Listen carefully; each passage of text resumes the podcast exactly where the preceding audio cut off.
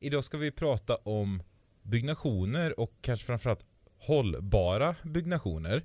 Jag tänkte att eh, ni får själva lite presentera vad, vad ni gör och var ni jobbar och varför det är ni som ska svara på de här frågorna. Vi kan väl börja med Viktor då, vi går från vänster till höger. Yes, eh, jag är energi och klimatrådgivare. Eh, ganska ny på min post. Snart tre månader eh, och jag ska, ska vara med i de här hållbarhetsavsnitten helt enkelt. Eh, det blir mitt uppdrag nu. Ja, vi gör ju lite nedslag på tema hållbarhet lite, lite då och då och idag har det kommit till byggnationer. Och då blir segwayen över till dig då Claes. Ja. Vad är du här? Jag är här förmodligen för att jag är bygglovschef och stadsarkitekt i Skövde och eh, har eh, engagerat mig lite grann i eh, trä i, i de här byggnationerna. Jag sitter med i eh, Trästad Sverige som eh, i den styrelsen där de jobbar för att man ska jobba mer med, med, med trä i hus helt enkelt. Bygga eh, massivträ där det går och få in trästommar i konstruktioner och annat. Hör ni också någonting litet mm. eller? Ja. Det är en telefon. Det är min telefon. Är det Ja. Ja, vad är det? Ursäkta. Ja, nej, nej men det, det, var bara bra för jag tänkte bara så men vad är det nu för någon sån här liten, liten störning? Det var skönt. Slapp jag dra om sladdar och, ja. och ha mig. Du, du sa du sitter med i styrelsen för, vad heter det? Trästad Sverige. Vad är det? Det är en eh, intresseorganisation som eh, eh, jobbar eh, för att eh, kunskapshöja eh, ja, för liksom, sitt, eh, hur man uppfattar liksom byggnation i trä överhuvudtaget. Att det går att bygga konstruktioner, byggnader, hus och annat på olika sätt. Man har tittat på brandskydd, eh, fukt, eh, olika tekniker. Ehm, man har varit väldigt mycket delaktig i, i vårt projekt Trästad 20, vad heter det, 2012 som, som då blev den här trä, eh, Frostaliden här i Skövde då, till slut. Vi gjorde ju en, eh, vi gjorde en detaljplan i vårt projekt där. Det var en del av eh, det var, vi knöt ihop det med regionen och vi var Trollhättan och det var eh, några fler kommuner. Jag tror det var Halmstad eller vad det var, Varberg kanske det var, Växjö. Det var eh, massa vad heter det, seminarier och vi var på studieresa till Österrike. Jag var inte med själv men eh, några kollegor var med. Eh, som har fått ärva lite grann deras kunskap och ta det vidare helt enkelt. De har gått i pension några stycken av dem annat. Eh, så det, vi, eh, ja, det är en, en, att försöka nyttja träets förmågor. Egentligen kom det från skogsindustrin tror jag, initiativet från början. Att använda träet på ett mer industriellt och effektivt sätt. Om vi stannar till lite vid just trä. Har det på något sätt blivit lite modernt nu på senare år? Eller det måste finnas någon anledning till varför man väljer att bygga mycket i trä idag. Tittar man på de här 60-talshusen, det är ofta liksom tegel och puts och... Nu pratar du fasadmaterial. Ja, det är möjligt, men upplys mig gärna. Tegel hade vi på 1903. Jo, jo, men eh, just fasader ja. tänkte på i det här fallet ja. då. Många hus idag, nybyggnationer, vi ser bara i trädgårdsstaden till exempel, det är väl enkom trä.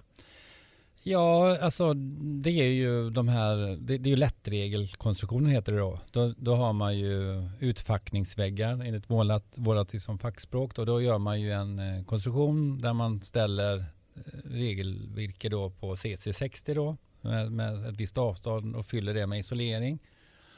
Oftast är det ju glasull eller, eller stenull. Och så har man skivor som man klär de här väggarna med. Man kan klä det med råspont också men oftast är det någon form av antingen träfiberskivor eller, eller spånskivor. Trä istället för när du producerar andra, typ betong och så, då släpps det ut koldioxid i produktionen. Men trä växer i skogarna och eh, tar upp koldioxid i fotosyntesen. Eh, och det innebär att när du eh, tar ner träden och använder dem i husen så har de massa kol bundet och då kan man tänka att husen blir som en kolsänka, att de har tagit upp massa koldioxid istället för att släppa ut. Mm. Så det är därför i, ur miljöaspekt man väljer att bygga i trä? Massiv, massiv trä, alltså man bygger in mycket trä och då tar man bort annat material som till exempel eh, betong eller stål. Mm. Lite så. Jag tror jag är med. Ja. Mm.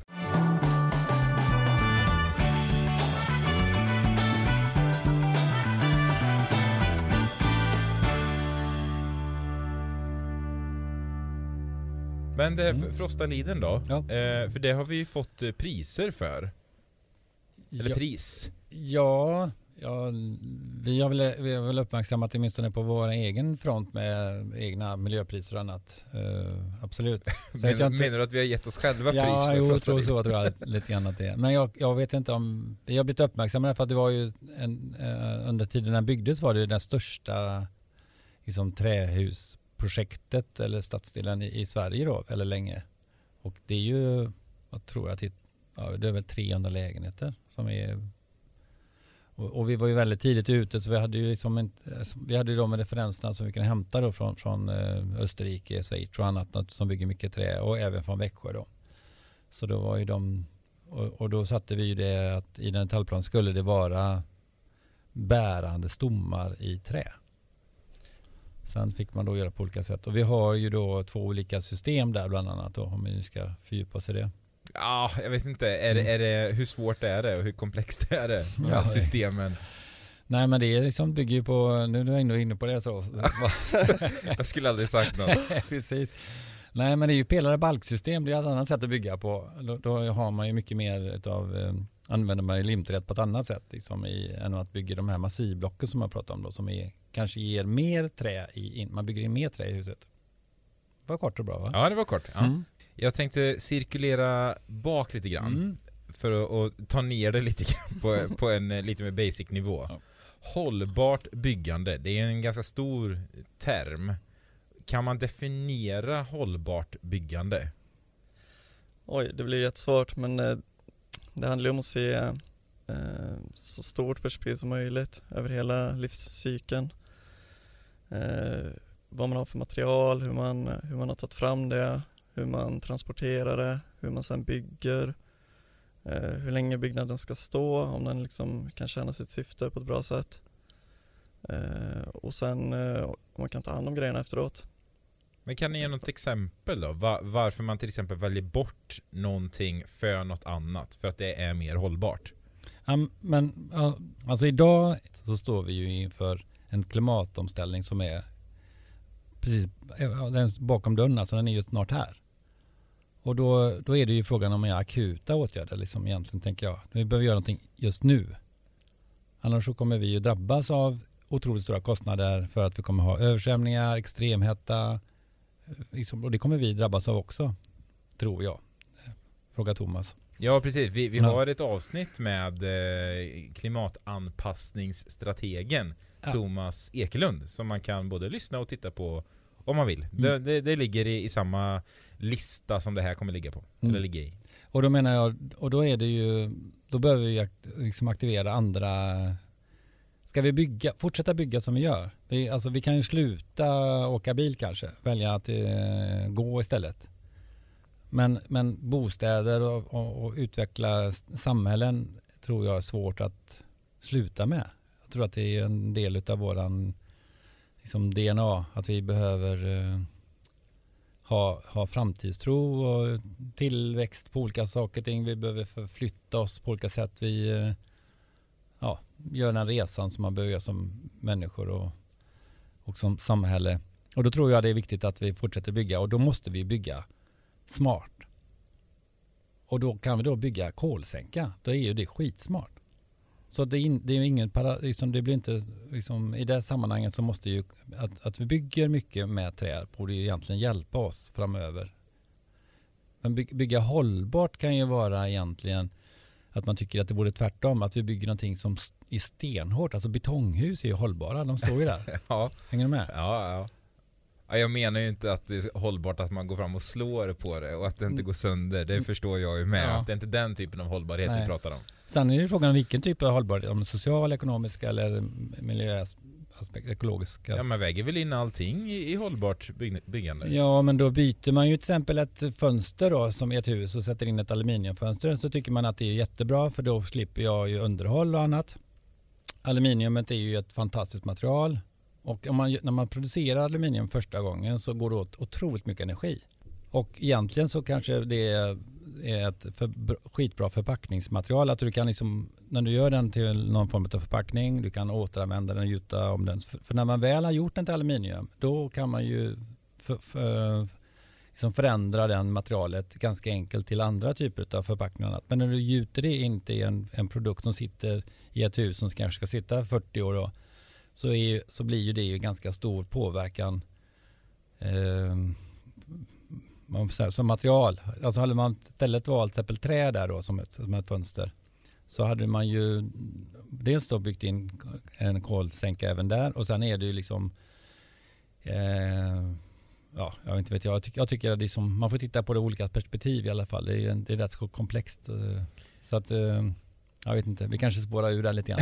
ja men det är väl lite det jag är här för, att ja. liksom se, se, till att vi håller oss hyfsat basic mm. men ändå liksom får, får något konkret svar på vad det är. Mm. Men om jag fattar saken på er rätt så är det att ja, men inte ta det första bästa utan tänka efter ett varv vilka, vilken påverkan har det här på ja, men hållbarhet, miljön och du pratade om social hållbarhet, ekonomisk hållbarhet. Vilken påverkan har det i det långa loppet? Inte bara, ja men det här var billigt, det tar vi.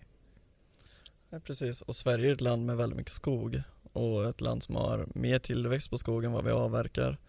Så det är en råvara och en resurs som, som vi kan nyttja.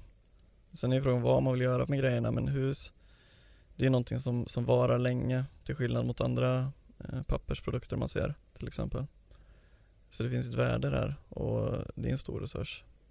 Så kan man säga det då att en del i hållbar byggnation det är att använda trä istället för andra material som måste framställas på, på ett, ett icke så miljövänligt sätt?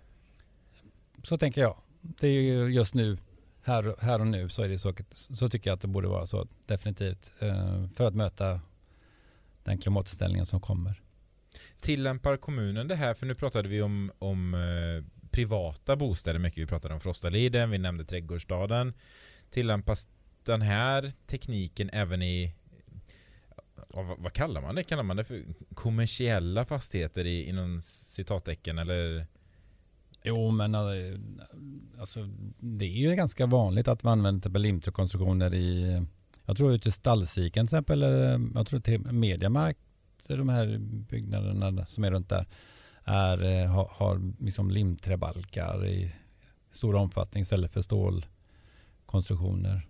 Inte, alla har det, men många har det i alla fall. Sen är det ju, men det är också det här, eh, vi bygger ju en, ett fantastiskt bandytak. Det är också limträ.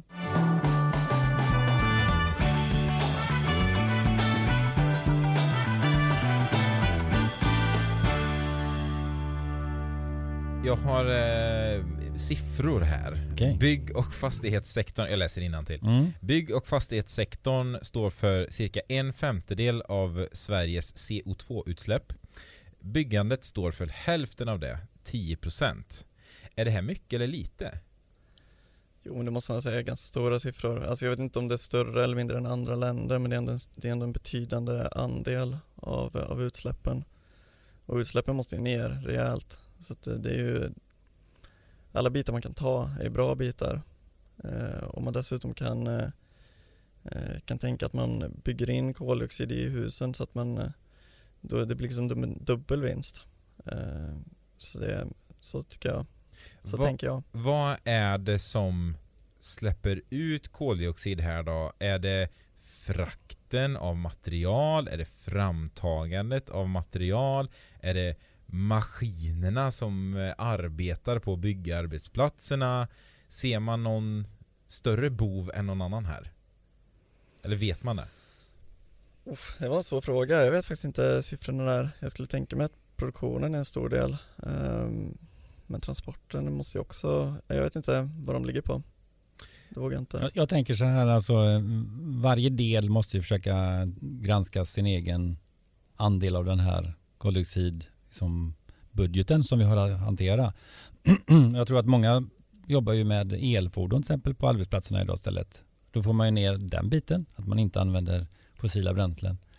Och, och, och tänker man i varje enskild del sådär, så, så kan man ju förmodligen reducera ganska mycket då. Sen är, var exakt det plockas, det, är ju, det blir ju ibland liksom systemskiften i det här tänker jag. Eh, jag vet inte vad du hur du tar dig fram i livet. Men om du åker eh, vanlig Jag vet, bil. inte om, jag vet inte om jag vågar Nej, säga skit det. jag Skit i det. Men låt säga att du åker en, en vanlig bil där man, där man tänk, tankar i någon form av vätska för att liksom, ta sig vidare.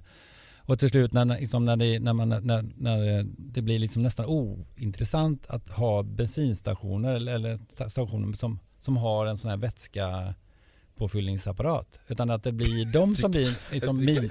Du pratar om det som om det vore liksom någonting som de hade på stenåldern. Ja men det kommer ju bli så. Vätskepåfyllningsapparat. Ja, eller hur? En bensinpump. En bensinpump. Ja. Men, men om man tänkte då när, den, när de finns i minoritet och du behöver åka liksom tre mil extra för att liksom få, få i den här vätskan i en bil. Då börjar det bli lite konstigt, eller hur? Jag ska ta mig tusan och åka den här bilen i alla fall, tänker man sådär. Då. Men det blir ju liksom, man vänder ju på problemet att när det, när det, när det, när det blir en eh, sån här systemskifte då, när det blir självklart att vi använder elfordonen på arbetsplatsen och man använder trä i, i de här stommarna, då är det ju inget konstigt. Det, är som, det är ju det som, då är det standard, procedure. Det, det är lite intressant det här med transporten av material Mm. till bygg, eh, bygg, byggarbetsplatser. Var det Volvo som fick en beställning på var det 100 Mm. ellastbilar? Det, den delen tycker jag är lite intressant när Mm. det kommer bli standard även på, på lastbilsfronten. Det Mm. är väl lite på gång känns det som. Mm. Ja, det var bara ett konstaterande. Ja, Eh, jag håller som- med. Något som jag tycker är intressant. Det är intressant, jag håller med. Visst är det schysst. Sen kan man ju säga att bygga med trä kan ju ha olika, alltså man har utmaningar där då. Man tycker till exempel att eh, det man brukar säga då inom träbransch, eller inom där, att det är ju det är stomljud som är besvärliga, man har brand som, ett, som man tycker är jättejobbigt. Vad menar du med stomljud? Ja, det, att, att ljudet i ett flerbostadshus är ju bland annat liksom, om, om du går på ett golv så blir det liksom stegljud och man smäller i klackarna i, och då hörs ju det ner till eh, våningen under eller spela stereo jättehögt eller annat sådär. Då, då, då, då flyttar sig ljudet från en lägenhet till en annan lägenhet och de, den dämpningen som sker där sker ju på olika sätt då med olika typer av material. Och ett betong betongbjälklag har ju sina, sina, e-, sina egenskaper och sålla bort rätt mycket. Det är ju, det är ju basen då som går igenom det tunga ljudet. Då. Men där får man andra, diska, eh, mer kanske diskant som kanske går igenom eller annat och då kanske man kan uppfatta liksom med tal eller annat man tycker sig kunna uppfatta. Det blir en annan typ av eh, man upp, liksom, rum, eller ljudmiljö eh, i ett sånt hus. Så det du säger är att det är mer lyhört med trä?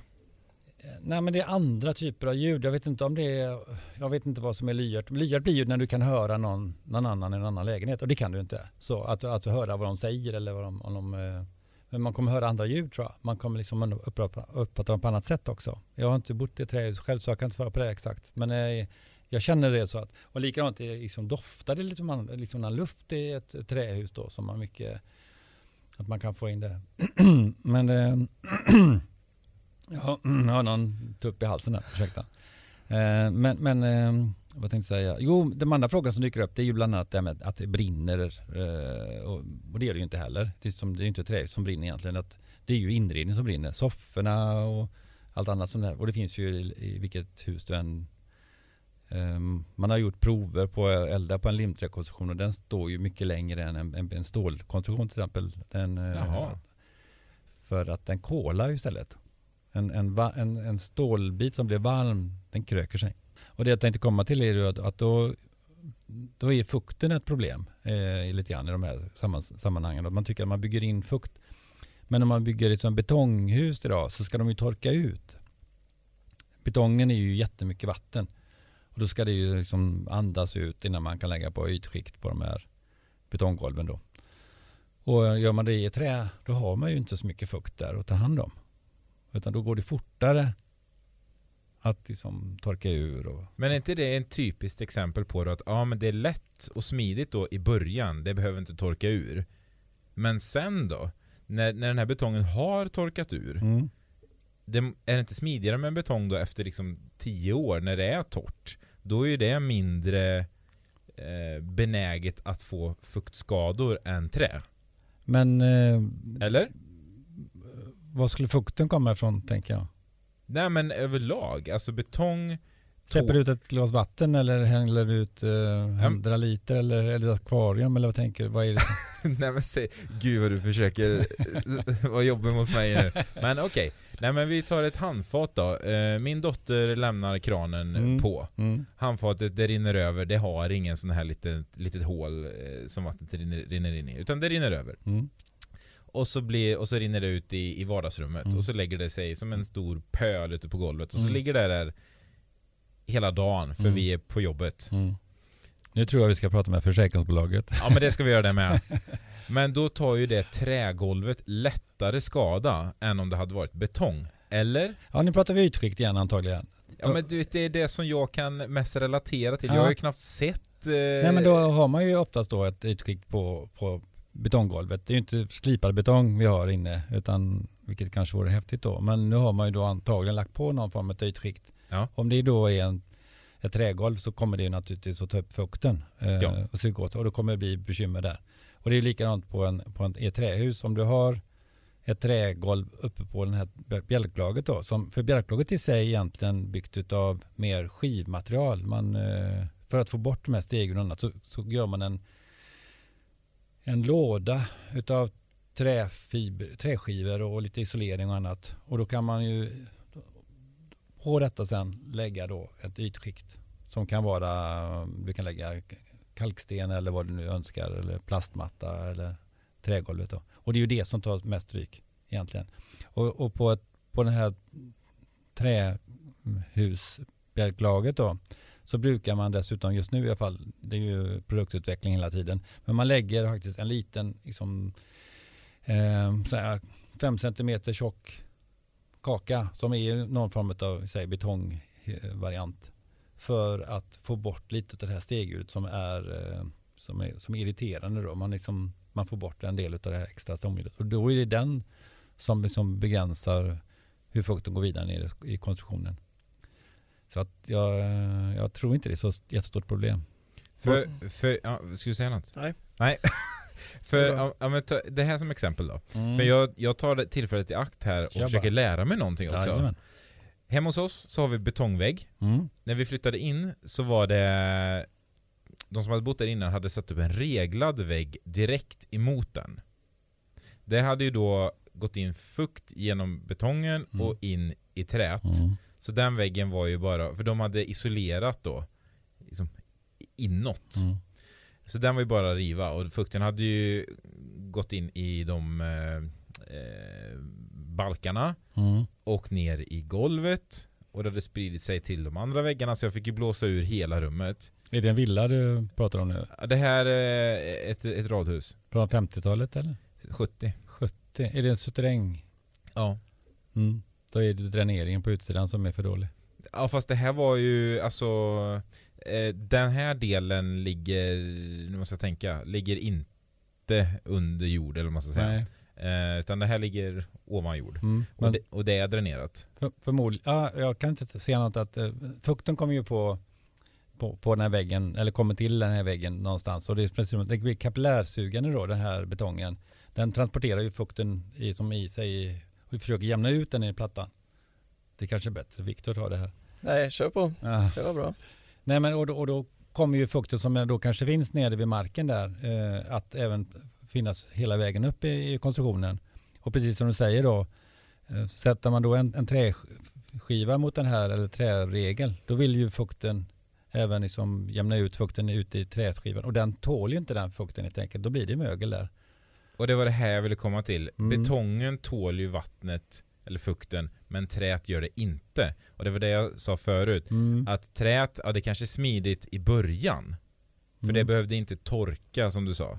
Men sen så måste ju betongen tåla, tåla fukt och, och vatten bättre.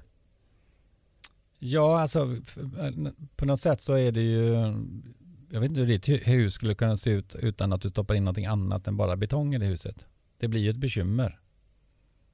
Ja, men, men som... som... Vi, vi, kan inte leva i en sån fuktig miljö. Det måste, det måste ju liksom åtgärdas någonstans. Så att vi kan inte ha en sån fuktig vägg, anser jag. Hänger du med?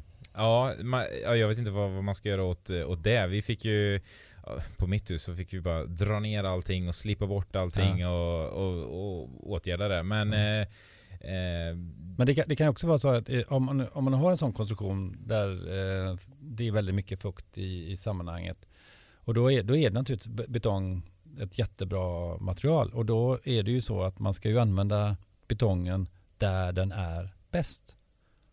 Man ska ju inte bygga allting i, i trä, det så menar jag inte. Men jag vet att man har ju provat, man testar väldigt mycket nu. Det är bland annat, eh, jag tror det heter förskolan Hoppet. Ja, det Göteborg. Där har man ju testat en annan typ av grundläggning där man jobbar med eh, återvunnet glas. Så man, man, jag tror man krossar, eh, Jag känner inte igen. ja, nej nu är ute på lite djupt vatten här, men man liksom har, för att redu- reducera det här betong, eh, eh, antal kilo eller kubikmeter betong då, så har man liksom försökt att minska det och fyllt ut då med, med, med, med glaskross helt enkelt. Jaha. Mm. Och det funkar?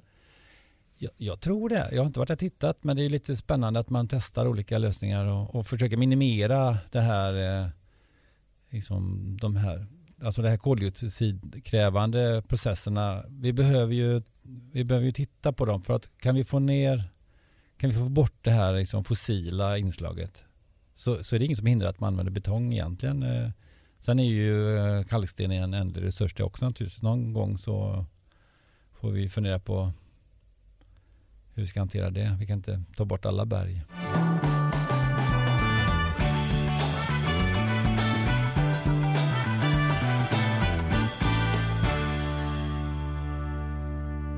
Vi har pratat lite Frostaliden, vi har pratat lite, eh, ja, vad sa vi, Aspö?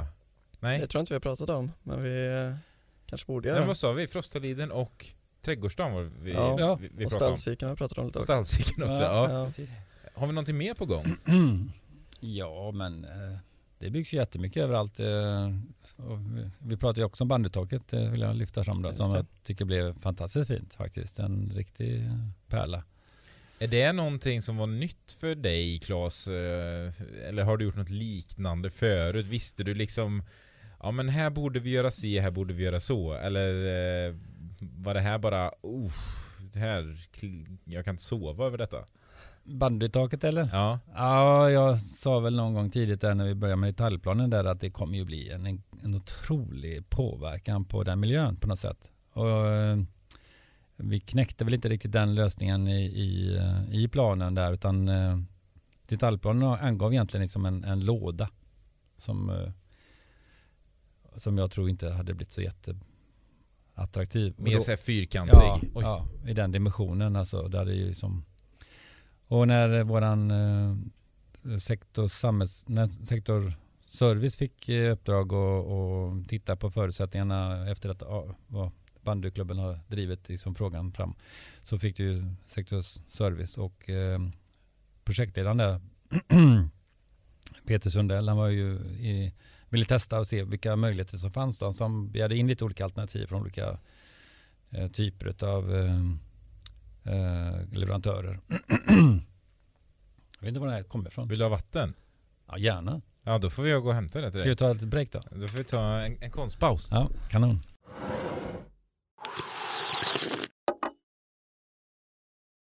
Jag är lite mer, du drar den lite närmare dig bara. Ja. Så. Eh, lite mer nyfiken på då hur Skövde kommun aktivt jobbar med det här hållbara byggandet. Eh, mer än, ja men vi bygger i trä. Punkt. Det måste finnas Mm. fler aspekter.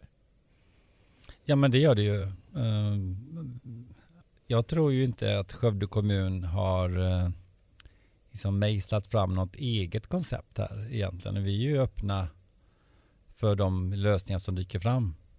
Och vi har ju byggt några passivhus och någon förskola och lite saker. Det var ju också ett resonemang tidigt att man behöver liksom prata med, med det här, um, så här noll noll, eh, alltså plus energihus eller nollenergihus, att man, man var inne på den diskussionen.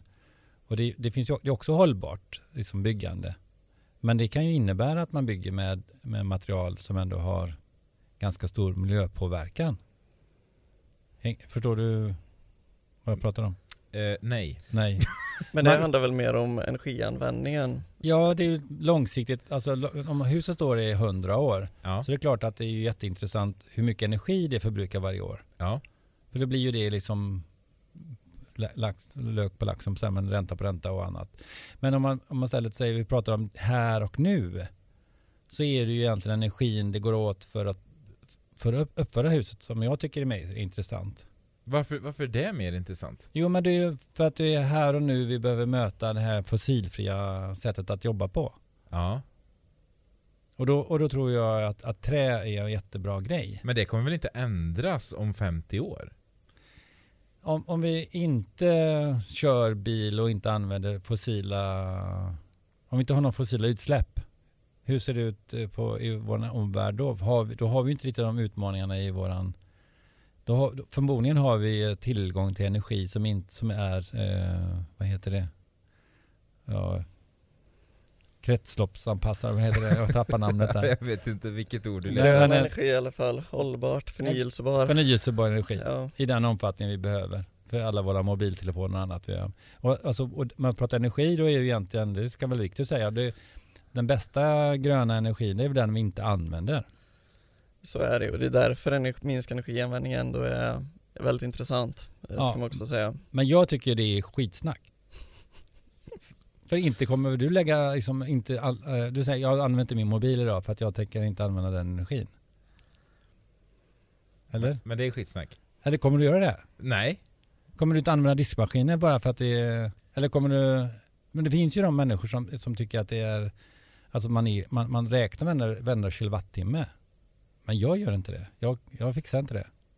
Gör du det? Du, nej, jag, vet du vad? Mm. Jag är eh, en oerhört dålig ambassadör för hela hållbarhetstänket. Jag...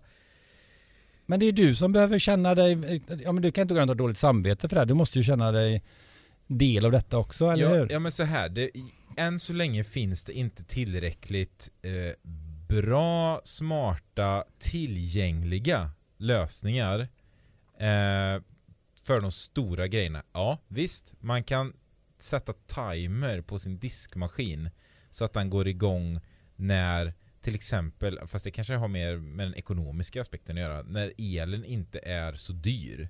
Till exempel, jag vet inte Viktor, har det med energi, det har väl inte med motgång att göra? Nej det har det inte, men det ska vi ändå på, på topparna om man använder mer, eh, man vill använda energin när, när man har tillgång av dem eh, och de förnyelsebara är ju eh, de kan man inte styra på samma utsträckning när de, när de finns. Solen lyser när den lyser och det blåser när det blåser.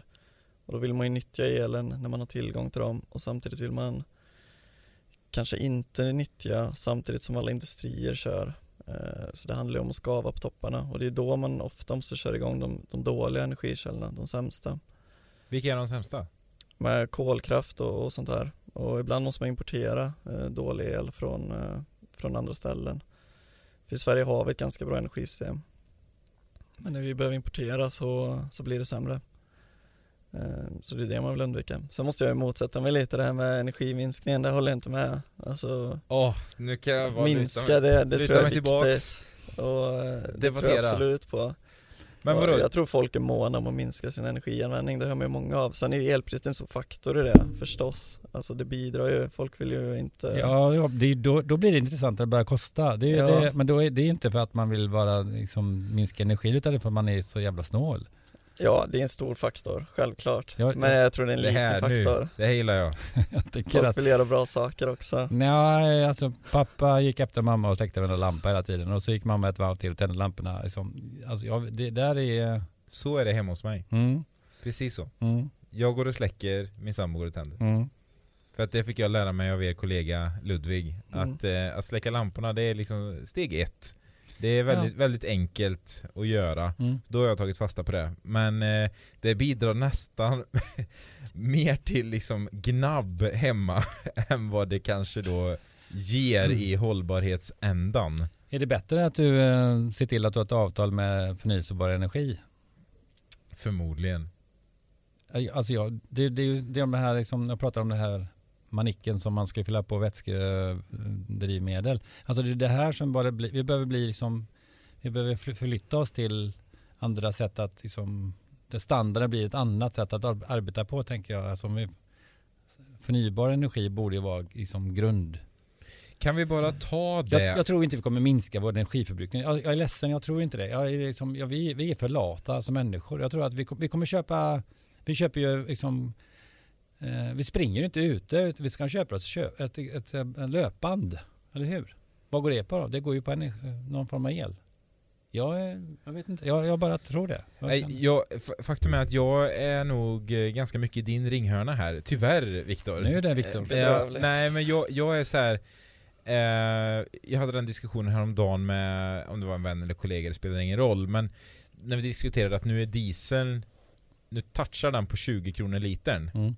Eh, och för x år sedan så vet jag att då pratades det en del om att 20 kronor det var liksom det, dit men inte längre. Då Mm. går där. Får jag säga en rolig sak där? Ja, när jag är klar. Mm. Men då sa jag det att det kommer inte hända någonting när den träffar 20. Inte ett smack. Folk kommer fortsätta köra sina dieselbilar. Jag som har en dieselbil, jag kommer fortsätta köra den. Mm. Jag kommer, alltså, det, Viktor du skrattar. Ja men vad har jag för alternativ då? Ja. Det- men, det, men visst är det det jag pratar om att när det börjar bli så jobbigt, det behöver åka tre mil för att hitta den här macken, Ja precis. då, då, då väljer du något annat. Eller om någon kommer imorgon och sätter 50 kronor litern. Mm. Ja, då Mm. kanske. Mm. Men när det höjs liksom några, ett par ören liksom, man märker liksom... Det är den där grodan i vattnet på sätt va? Liksom, du vet, liksom, Ja men den här som, när vattnet kokar och den, ja jag kan inte det där, eh, jag hörde den här om dagen. ja, men om det blir sakta men säkert varmare så hoppar ju inte grodan ut utan Exakt. stannar tror jag. Jo Jag men, vet, det jo, jo, jag men kanske. exakt så. Mm. Men Viktor du sitter och skruvar på dig och du, Ja. det, det, här, det här är inte Ser så... du inte fler elbilar ute? Fler laddstolpar, alltså det är ju på gång. Vet du vad? Då Ja. ska jag säga, jag hade jättegärna ägt en elbil men då är, vi ska inte prata om hur jag har det privat men jag bor i en samfällighet vi har Mm, inga mm. laddstolpar Mm. Det är inte bara för mig liksom att, jag, jag kan inte ha Nej. en elbil Nej, jag var i samma sits. Alltså, Ja, precis. Bil, så att Så jag hade jättegärna haft en Men det går inte eh, Och då sitter jag i en liten knipa där, ja man kan väl ha någon form av hybrid Men ja visst, men Mm. de är inte direkt gratis Ehm, Så Nej, jag, jag vet inte Nej, vi behöver teknikutveckling där. Ja. Det behöver finnas smidigare laddinfrastruktur Ja, och på ett annat sätt. Ja. Vi, kan inte, vi kan inte jobba på samma sätt som tidigare, att vi har dem på bensinstationer. Det funkar inte. nej nej, man måste, ju- man måste ha tillgång till en laddare hemma Ja, eller, ja det, det är ju liksom där, alltså bilen står ju still 97% av tiden. mm. Och där den står behöver det finnas en laddare. Var den nu ställs. Och, jag, Överallt tänker jag egentligen. och jag tror, det här känns lite skönt att jag äntligen har hittat någon som ty- tycker och tänker lite som jag. Eh, jag tror att många här, eller många är lite naiva i, i tänket. Kanske du också Viktor, jag vet inte. Men Ludvig då, eran kollega, han eh, som, jag vet inte om han är det fortfarande, ansvarig för kommunens laddinfrastruktur. Eller är det du Viktor som har tagit över det nu? Nej, det ska jag inte säga att jag har tagit över, men eh, det är väl kanske lite delat ansvar. Men Ludvig har huvudansvar på det Ja. fortfarande, absolut. Eh, och, och han eh, påpekar ju då och hävdar att det ska sitta laddstolpar lite strategiskt utplacerade. Eh, så att man inte behöver gå mer än, jag minns inte vad han sa, men om det var 500 meter eller någonting sånt där. Jag tror hört fem minuter kanske, men eh, Ja, ännu värre. För fem Ja. minuter, alltså folk kommer, folk kommer inte göra det. Men det handlar inte så i så stor utsträckning om hemmaladdare. Det är ju för, för folk som inte har råd att skaffa själva, men det är ju på gång tror jag. Alltså även för samfälligheter och bostadsrättsföreningar i större utsträckning. Men, eh, det är ju som du säger, jag tror jag har hört att 80-90% laddar hemma, alltså av laddningen sker hemma, eh, alternativt på jobb kanske. Eh, så det är ju där man måste åt, absolut. Det är inte ute i stan generellt för de flesta. Det är väl för folk som reser måste man ha och, och sen måste det, det är bra om det finns i stan så man har möjlighet om det krisar eller ja, så här, om man har något behov av att ladda. Men eh, det största sker ju hemma, det är ju där, det är inte meningen att man ska gå fem minuter. Och, och de flesta som har ju bil har ju tillgång till en parkeringsplats eh, hyfsat nära. Sen måste ju den vara, man måste kunna ladda där eh, för att skaffa elbil i princip. Det är ju det det hänger på för många. Ja för fem minuter, det låter ju inte mycket. Nu, nu gled vi ifrån byggnation Absolut. lite, men det kanske inte gör något. Eh, fem minuter låter ju lite. Men när man kommer där med sina ICA-kassar och ska gå fem minuter från bilen hem, ja. Eh, och då står bilen liksom fem minuter bort och då, där kanske du inte får stå hur länge som helst vid den eh, laddstationen och så kommer du på det på kvällen, åh oh shit jag måste flytta bilen. Då ska du promenera bort i bilen igen för att flytta den. Ah, jag vet inte jag. Jag har lite att jobba på där va? Jag tror Ja, det. mm. Eh, och jag säger inte att det jobbet inte görs, för det, det görs. Men då loppar vi tillbaka till det jag var inne på då. För att då säger jag egentligen att, att kanske den här passivhusen är ju bra tanke. Jättebra. Vad sa du, de här? Passivhusen som Passiv. vi pratar om. De som inte förbrukar någon energi. Över lång tid så är de ju suveräna för de ger ju de här effekterna av att vi inte förbrukar energi på lång sikt. Men om vi då har ett, ett annat sätt att producera energin på så blir, de ju, så blir ju eh, förmodligen inte eh, liksom, eh, säga, påverkan på klimatet lika dramatisk som om vi fortsätter att göra som vi gör nu med det här fossila inslaget. Det är ju det jag vill komma åt, det här fossila inslaget. Att vi måste liksom agera utifrån det. Och då, och då tror jag ju att, att det är viktigt att just nu titta på, på hur vi producerar. Att vi jobbar med rätt material på det här stället. Betongen där den ska vara som vi pratade om förut. Att vi har eh, liksom, det här med, med, med trä och, och våra produktionsmetoder går på rätt sätt. Att vi som jobbar med elfordon och annat. För då kan vi göra någonting. Vi kan fortsätta bygga utan att öka inslaget av fossilt eh, fossil energi. För det är ju, det är ju där, vi, där, där min, min brytpunkt är, finns någonstans. Vi måste fortsätta bygga, vi måste bygga kanske mer än gjort tidigare. Eh, och, och då göra det på ett energismart sätt. Och då är det ju trä tycker jag som är outstanding. Får jag bara ställa en lite avrundande fråga? Mm. Har ni sett någon utveckling på det här området? Någon konkret utveckling de senaste, ja vad ska vi dra till med? Det vet kanske ni bättre. Vi säger 15 åren då. Struntade man, eller hade man inte tankarna på det här hållbarhetstänket för 15 år sedan? Är det någonting som har kommit nu senare?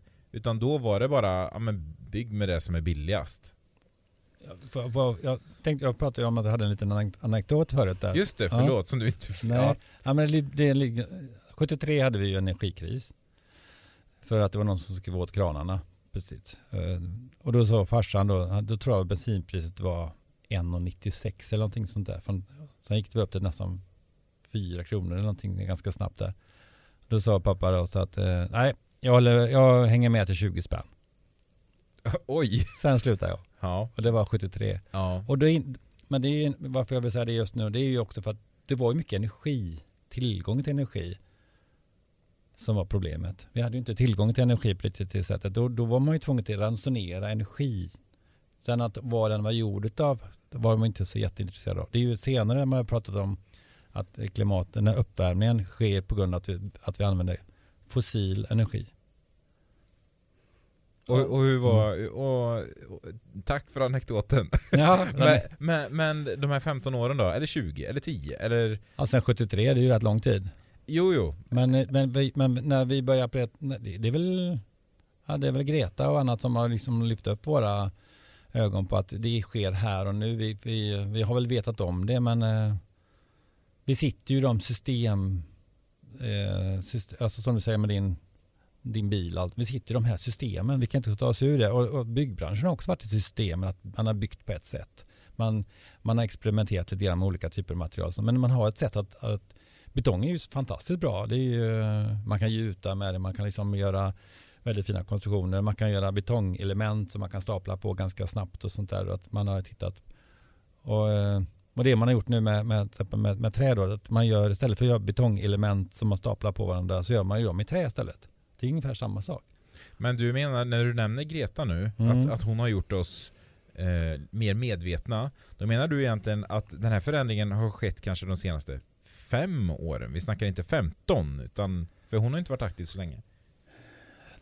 Viktor, hjälp mig. Nej, hon har inte varit aktiv så länge, det håller jag med om. Men jag, jag vet inte när det är jag har kommit igång riktigt. Men det är ju det är ökande. Det är väl som en ramp lite, att det är på väg upp eh, hela tiden. Och det är ju klart ett passivhus och det har varit lågenergihus och nollenergihus och plusenergihus. Det är massa sådana här termer som poppar upp för att, eh, för att det finns ett intresse och folk vill liksom eh, man vill slänga sig lite ord så att det blir lite hett liksom. Det, men det pratas om och det görs grejer. Men det jag vill åt är egentligen Det är ganska nytt. Ja, ja, jo, men hur, liksom, hur gick tankarna när, när Skövde kommun skulle bygga någonting 2010 kontra mot när vi ska bygga någonting idag? Mm. Det, varken jag eller du Viktor jobbade här då, så det får väl du Claes, eller jobbade du här då? Mm. Ja.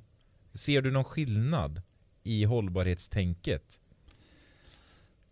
Mm, ja, både ja och nej. Eh, jag, jag ser ju att man gärna...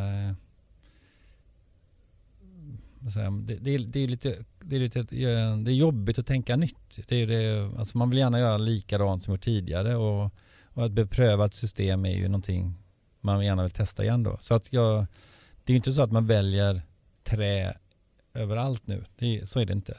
Och jag, och inte ens, jag tror inte ens man kanske testar och säger kan vi bygga i trä? Kan vi byta ut någonting i trä? Utan man, man låter någon entreprenör räkna på detta och säga att du får ett kvadratmeterpris på det här.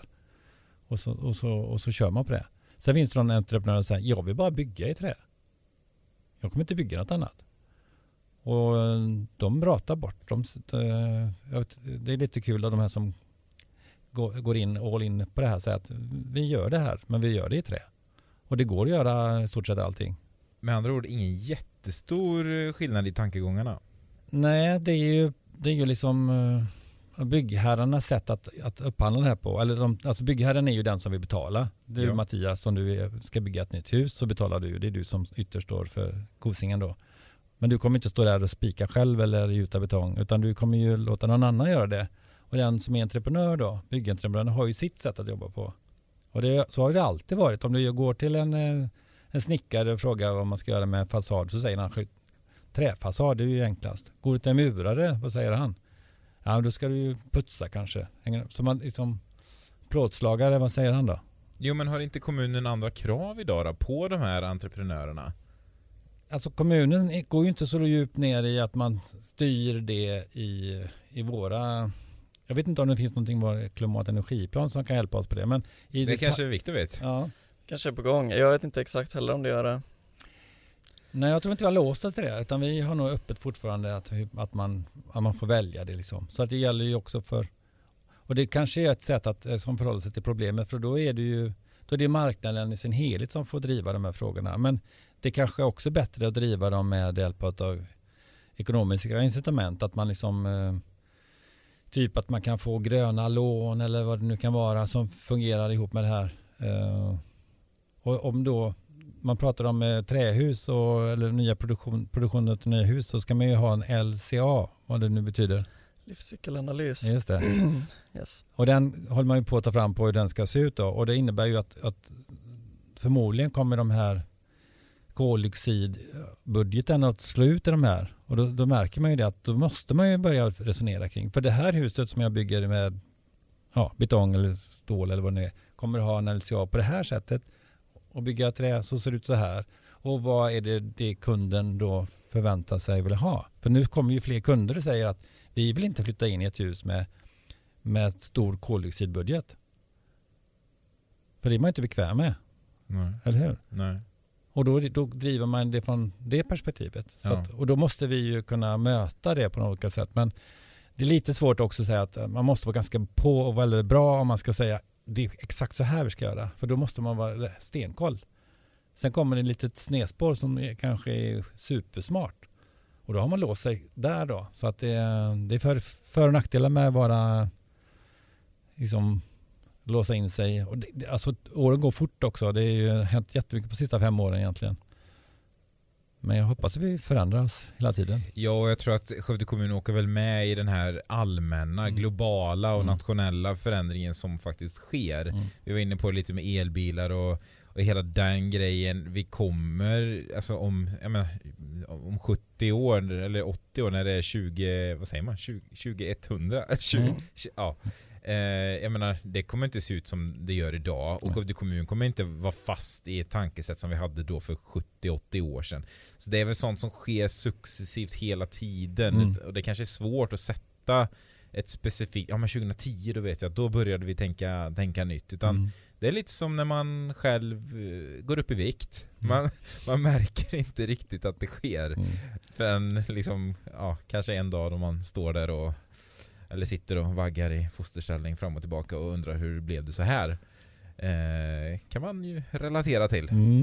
Jag tänkte att eh, vi ska avrunda här Mm. idag. Tack Viktor, tack Claes för att ni kom och prata. Ja, tanken var ju hållbara byggnationer. Vi avhandlade lite allt möjligt i, i, inom hållbarhetsvärlden. Har ni någonting som ni vill eh, säga som vi inte har tagit upp eller fått med? Jag tänker lite på det här med energianvändningen återigen, vill koppla tillbaka lite. Ja, vad är den Eh, här att, debatten? eh, nej men jag vill bara säga om man kan eh, det kan finnas en nytta att minska energin även om Sverige har lyckats uppnå ett helt förnyelsebart system så kan det finnas en nytta av att man kan bli en eh, exportör kanske om man har en större produktion än vad vi behöver. Om vi lyckas minska användning så kan man ändå exportera till Europa för att där ligger man ju mycket längre bort. Eh, Så det kan finnas en större nytta eh, i ett större samhälle kanske. Och är det inte så att man även kan göra liknande som privatperson? Sälja el, Ja, precis. jo absolut om har solceller. Det, Precis. det är ju vanligt. Och det, är, är det någonting som man uppmanar till att göra? Alltså generellt säger vi väl att eh, eh, för privatpersoner som investerar i solceller, det handlar ju om ekonomi och det gör det ju för företag också. Fortfarande förstås. Eh, att ekonomin är ju bäst på den elen du använder själv. Sen säljer man mycket också för att man producerar mycket på dagen och man använder inte upp allt och sen kanske man vill sätta på diskmaskinen och det är när man kommer hem och då är det redan mörkt. Eh, så ser det ut liksom. Så man exporterar mycket men man har bäst ekonomi i den man använder själv. Eh, Det är för dåligt betalt när man säljer den helt enkelt. Ja, precis. Man har, eh, Men det är ju det här ekonomiska styrsystemet som kommer in då plötsligt. Men eh, det är ju många som pratar om att man ska ha ett batteripack i huset. Nu blir det ju ett nytt program.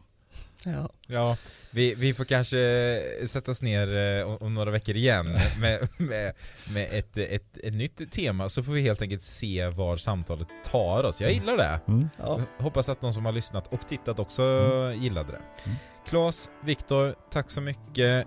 Claes, du ska få springa iväg på din halv tolv lunch. Eller hur? Ja, Tills vi hörs och ses nästa gång, ta hand om er. Hej då. tack. hej då. Tack.